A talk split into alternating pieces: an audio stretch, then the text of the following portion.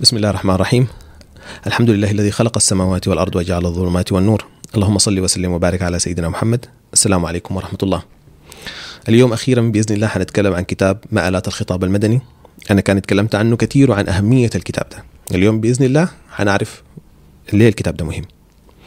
زي ما شفتوا في المقدمة الشيخ إبراهيم بن عمر السكران كان شخصية مختلفة قبل ما يطلع الكتاب ده. عشان كده هو يتبرأ عن أي حاجة كان بيكتبها أو بيقولها قبل ما تطلع يطلع الكتاب ده. ومن أهم الناس اللي نصحوا بالكتاب ده أنا في رأيي هو الشيخ إبراهيم الشيخ عبد الله العجيري. وآخر مرة سمعته بيتكلم عنه قال هو قرأه خمس مرات على الأقل. قال أنا أعتقد أنه أعظم منتج فكري قدمته الحالة السلفية في المشهد السعودي هو مآلات الخطاب المدني. طيب هو الكتاب ده بيتكلم عن شنو بالضبط؟ الكتاب بيتكلم عن قيمة الحضارة بكل بساطة عن قيمة الحضارة في الوحي وقيمة الحضارة في قلوبنا إحنا وكيف التبس الأمر على الناس. والموضوع ده هو ده سبب اللي خلاني أعمل القناة دي والبودكاست ده وإن أنا أسميها هدهد بتعامل الهدهد في قصة الهدهد مع سيدنا سليمان وحضارة سبع فالناس لو قرأت الكتاب ده واستفادت منه آه القناة دي ما حيكون عندها إضافة آه ليك تاني. وبكل حال من الأحوال طبعا أنا ما حقدر آه أدي الكتاب ده حقه فالناس لازم ترجع للكتاب. طيب الكتاب فصوله كثيرة حنمر عليها, إن شاء الله في فيديوهات لاحقة يعني. يتكلم عن وظيفة الإنسان. هي شنو وظيفة الإنسان؟ عن غائية الحضارة في سلم الوحي وموقف النبوات من الحضارة وغيرها من المواضيع. وأهم فصل أنا في رأيي في الكتاب هو هل الإسلاميون ضد الحضارة؟ ومواضيع تانية إن شاء الله حنمر عليها. طيب الكتاب مبني على أنه في تغير حصل في العشرين سنة الأخيرة. في في الوسط بتاع المسلمين عندنا عموما هنا في منطقتنا بتاعت الشرق الأوسط زي ما بسموها وشمال أفريقيا في تغير كبير حصل. وهو ربط التغير ده لكذا حاجة من أهمها هي أحداث الحادي عشر من سبتمبر. وأنا من بديت تسجيل البودكاست ده حاليا إحنا في سبتمبر. بعد 20 سنة من الحدث. وسبحان الله مر علي عشان الذكرى دي إنه مرت 20 سنة. كانوا الناس زي ايكونومست اللي هي المجلة البريطانية المشهورة عاملين تغطية للحاجة دي. ف عنوان عنوان المقال إنه رغم شيطنة المسلمين في أمريكا يعني رغم شيطنة المسلمين إلا إنه قوتهم في ازدياد. فأنا عجبني العنوان وقلت أشوف الحاصل شنو. فبيتكلم عن إنه في زيادة عجيبة في عدد المساجد في أمريكا وتضاعف في عدد المسلمين. فأنا فرحت وقلت الحمد لله اخترقناهم من الداخل. بس للأسف طلع إنه ما هو ده اللي ماشي عليه المقال. وصاحب المقال طبعا ما له علاقة أصلا بالإسلام وهو شخص ما مسلم. آه فبيعلق يعني بيقول رغم إنه أعداد المسلمين زيادتهم مذهلة الحاجة المثيرة للذهول أكثر من كده تحولهم للعلمانية. هو مسلم كاسم لكن هو حقيقة يتحول للعلمانية. طيب الكلام ده ما قالوا شيخ السلفي قاعد في مكان ما ولا قالوا واحد قاعد في أفغانستان. الكلام ده قالوا شخص أصلا ما مسلم وما له علاقة بالوسط الإسلامي. هو شخص من برا قيم ورا قال ديل يتحول للعلمانية بطريقة عجيبة. وهو ده اللي بيتكلم عنه الكتاب آه تقريبا بتفاصيل أكثر وطف... واستدلال. من الحياة نفس الكلام اللي قاله صاحب المقال. المقال طلع قبل عشر يوم بس من تسجيل الفيديو ده تقريبا. قال إنه أهم سبب في رأي صاحب المقال إنه الناس اللي تحولت للعلمانية كده ليه؟ قال هو الحلم الأمريكي اللي هي جنه الجنة على الأرض.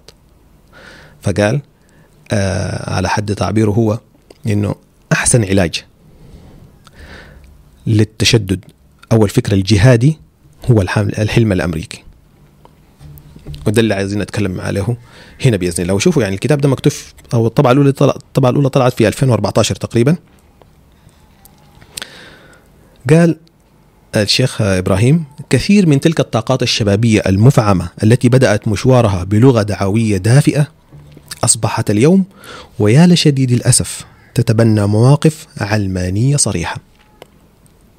فشوفوا يعني ده حتى تعبير هنا آه، للشيخ وده شخص ما له علاقة الاثنين قالوا نفس الكلام. فخلينا نشوف التفاصيل بإذن الله. آه قال من الحاجات اللي قالها إنه آه الشيخ قال الشباب ديل كويس إنه دي نقطة إنه الكتاب بيتكلم عن حاجتين. إنه آه الصفات اللي بيقولها بالدائم بينسبها للناس اللي هم غلاة المدنية اللي بيغالوا في المدنية أو في طلب الحضارة. فما معناها إنه في درجات أقل. إنه في ناس بدرجات أقل. ما لازم أنت تصل لحد المرحلة عشان تكون أنت دي الحاجة هي السيئة لكن لا. في درجات أخف منها لكن برضو آه ما هي دي الحاجة الصحيحة اللي المفروض نكون عليها. النقطة الثانية إنه الناس اللي حصل فيهم التحول دي ما عامة الناس ديل الشباب اللي محركين الفكر في المجتمع. الفكر والثقافة الإسلامية الناس اللي بيحركوها هم نفسهم اللي تأثروا بالحاجة دي وهي دي المشكلة هنا. قال واستبدلت هذه الشريعة الشريحة بمرجعية الدليل مرجعية الرخصة أينما وجدت بغض النظر هل تحقق المراد الإلهي أم لا. وتحولت من كونها مهمومة بتنمية الخطاب الإسلامي إلى الوشاية السياسية ضده. والتعلق خلف كل حدث أمني بلغة تحريضية ضد كل ما هو إسلامي. الخطاب ده سماته شنو؟ الانفتاح الآخر التسامح النسبية الاستنارة والنهضة المواطنة والأنسنة ونبذ ونبذ الأدلجة والإقصاء والوصاية والتسييس والدغمائية والراديكالية ونحوها. الفصل الأول من الكتاب اللي هو تنقلات الخطاب المدني كيف حصلت الانقلاب اللي حصل ده؟ وهو شنو الانقلاب أصلا؟ قال لقد تم إنزال التراث من كبينة القيادة إلى قفص الاتهام. التراث هنا معناه شنو؟ الموروث عندنا من العلوم الإسلامية القديمة وثقافتنا الإسلامية الممتدة إلى الرسول صلى الله عليه وسلم. فده كله اللي هو بسميه التراث نزل من كابينة القيادة إلى قفص الاتهام.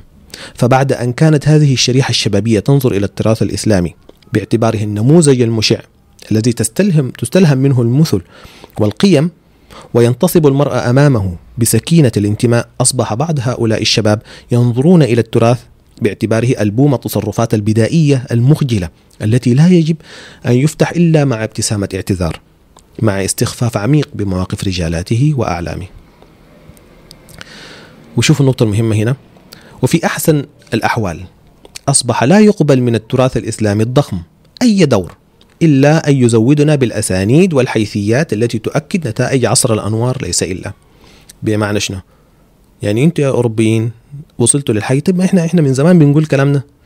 يعني كأنه اللي حاجة اللي إحنا وصلنا لها عن طريق الوحي هم وصلوا لها بطريقة تانية غير الوحي.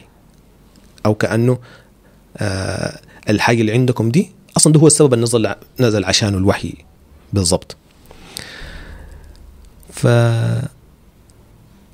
وصل لدرجه إنه قال لك وتصبح فرادة الفقيه عاوزين الفقيه اللي هو حيكون متميز وشفناها كثير لدرجة إنه الناس كانوا آه وشفناها فترة من الفترات بيقولوا محمد شحرور هو من أحسن الناس اللي أعادوا قراءة القرآن ليه؟ لأنه وتصبح فرادة الفقيه داخل هذا الاتجاه تابعة لقدرته في توفير الغطاء الشرعي أو الغطاء الشرعي لمنتجات الحضارة المادية. وبحسب إمكانياته في تأويل ما يتعارض معها وتخريجه بشتى المخارج. يعني الفقيه المعلم والفقيه الشاطر هو اللي حي... حيطلع لنا من يوائي ما بين اللي عندنا من التراث الإسلامي وما بين الوصل له الأوروبيين. فأنت لازم أنت شاطر لو طلعت الحاجة دي هو ده مراد الله سبحانه وتعالى. في الآخر بمعنى آخر تحويل الوحي من حاكم على الحضارة إلى مجرد محام عن منتجاتها. يبررها ويرافع عنها ولا يقبل منه دور غير ذلك. الله سبحانه وتعالى أدانا الوحي عشان إحنا نقدر نعرف الصح من الخطأ إنه يخرجنا من الظلمات إلى النور. فحاليا بقى ما مطلوب من الوحي كده. مطلوب منك بس إنك تأكد لنا الحاجة اللي إحنا أصلا بنشتهيها وعاوزينها. مطلوب من الوحي حاجات محددة هي اللي يقولها. إحنا ما حنجي حنشوف قدام هم كيف بيعملوا الحاجات دي. ما حيجوا ينكروا الوحي. ما حيناقشوك في إنه الرسول هل هو رسول حقيقة ولا ما رسول عليه الصلاة والسلام. هل الله موجود ولا ما موجود. ما حي ما حيجوك في المواجهة المباشرة. حيجوك في إنه معنى الكلام ده شنو. فلو وصلنا للمعنى اللي هم عاوزينه. ما ده ما فارق انت مؤمن بإله مؤمن برسول ما فارق. في النهاية حينفذ على الأرض شنو؟ زي ما الآية بتقول فإن أوتيتم هذا فخذوه وإن لم تؤتوه فاحذروا. فجايين الوحي طالبين منه. لو لو قال لكم الوحي الحياة دي خذوها خلاص يا سلام إحنا متبعين للوحي. لو ما قال كذا فاحذروا. ويكون الفقيه الشاطر هو اللي حيوفق بين الجهتين دي. آه اتكلم تاني عن الظاهرة دي اللي هو الانقلاب المعياري ده. حصل ليه؟ فهو قال آه يعني في ناس بيقولوا إنه الناس بقت عقلانية أكتر. قال لا. قال الظاهرة دي ما لها علاقة بأن الناس بقت عقلانية وتفكر بعقلانية وما لها علاقة بمصادر المعرفة أصلا ولا عندها أساس واحد غير حاجة معينة اللي هي إحنا عاوزين مشتهين الحضارة وال ما تقول إليه زي الحلم الأمريكي. فهي مرة مع العقل وتارة مع النص وتارة مع الذوق الشخصي وتارة مع المألوف وتارة ضد هذا كله. فهي تدور مع المنتج الحضاري الجديد بغض النظر عن علاقته بمصادر المعرفة. الناس بتكون بانية فكرها على أساس محدد وبتلتزمه إلا الاتجاه ده. ممكن يفسروها بأي حاجة. المهم إحنا مشتهين الحاجة ولازم نصليها. فلو كان العقل بيفسرها يقول لك لأنه عقلا كده. لو كان في نص بوافق كلامه نص شرعي حديث أو آية بيقول لك لا لأنه الآية بتقول كده. طيب طيب أنت زمان كنت مقدم ده على ده ليه هنا حاليا عملت كده؟ وغيرها من الأمثلة. فالنتيجة لل... للانقلاب المعياري اللي حصل ده قال فيغتفر لصاحب المنجز المدني سواء كان مؤلفا أو اتجاها فكريا كل انحرافاته الدينية وتتفهم في بحر حسناته المدنية بينما ينظر بعين الامتهان إلى صاحب المنجز الشرعي ما دام أنه غار إنه غارق في القصور المدني المادي. فمجرد إنه الشاب يتشرب المعنى ده فانه هرم الأولويات قال عنده وخريطة القيم تنقلب.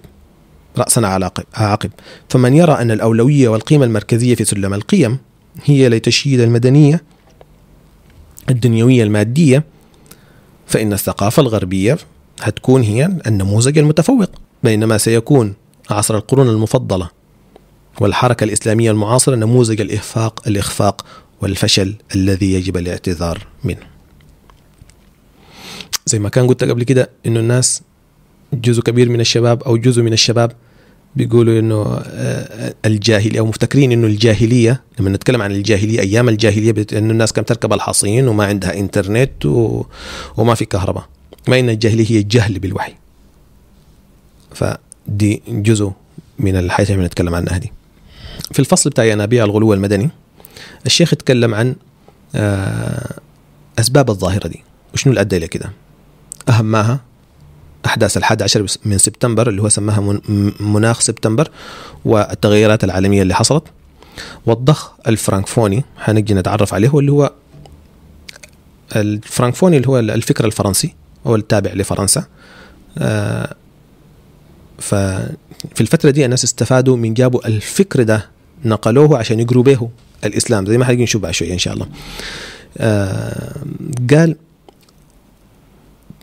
في الفكر الفرنفوني قال هو تعبير عن تيار حداثي عربي معاصر يعمل على إعادة تأويل التراث الإسلامي باستلهام المناهج الفكرية الفرنسية. يعني شنو؟ بما يعني تطويع الثقافة المقروءة لصالح الثقافة القارئة. والنقطة دي خطيرة جدا ومهمة والناس لازم تستوعبها. أنت عندك تراث اسلامي دار تفهمه المعنى هنا شنو؟ فأنت بدل ما تكون عندك تقرأ التراث ده بموضوعية وتشوف حقيقة هو شنو التراث ده واللي اتقال فيه شنو أنت ما عاوز كده هنا. أنت جاي محدد أصلا أنت عاوز شنو. أنت عندك نموذج عاجبك أصلا اللي هو الفرانكفون النموذج الفرنسي جبته تقرا به الثقافة الإسلامية. ف حينتج عنه شنو؟ إنك انت في ألو... في التراث الإسلامي بيبدأ منه محمد بن عبد الله عليه الصلاة والسلام هو رسول الله.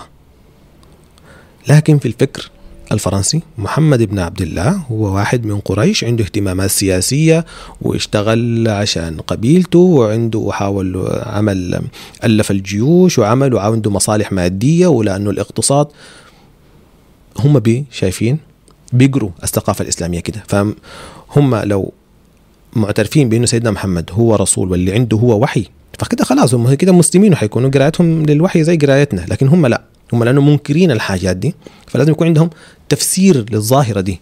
يعني مين محمد ده؟ الحقيقة العمل العجيبة دي. مين أبو بكر؟ ومين عمر؟ ومين كده؟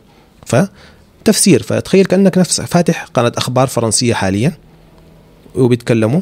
واحد اسمه محمد بن عبد الله عليه الصلاة والسلام دي مني أنا طبعا عليه الصلاة والسلام. فمحمد بن عبد الله ده واحد قاعد في في قريش من قبيلة الفلانية وعشان المصالح الاقتصادية وعشان وعشان يسيطر على طرق التجارة فعمل وعمل ويدعي النبوة وكذا وكذا ف ده هو الضخ الفرنكفوني عمل كده. آه حنشوف الكلام ده بإذن الله كمان. والشيخ كمان عنده كتاب مهم جدا خصوصا في الموضوع ده اللي هو اسمه التأويل الحداثي للتراث.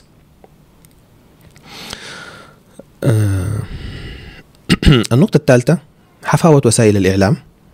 وده جزء من تيار أو مناخ سبتمبر ورد الفعل اتجاه البغي الإلكتروني. آه، بنشوف إن شاء الله. آه، الكلام ده لقدام. قانون المتوالية الفكرية. فدي نقطة جميلة. هنا تكلم عنها الشيخ. قال حين تطالع الكتب المعنية بتاريخ الأفكار والمذاهب والمقالات فإنك كثيرا ما تصيبك الدهشة من غرابة بعض الأفكار. يعني الناس وصلت للكلام ده كيف؟ يعني حاجة غريبة جدا الناس دي بتفكر في حاجة بالشكل ده.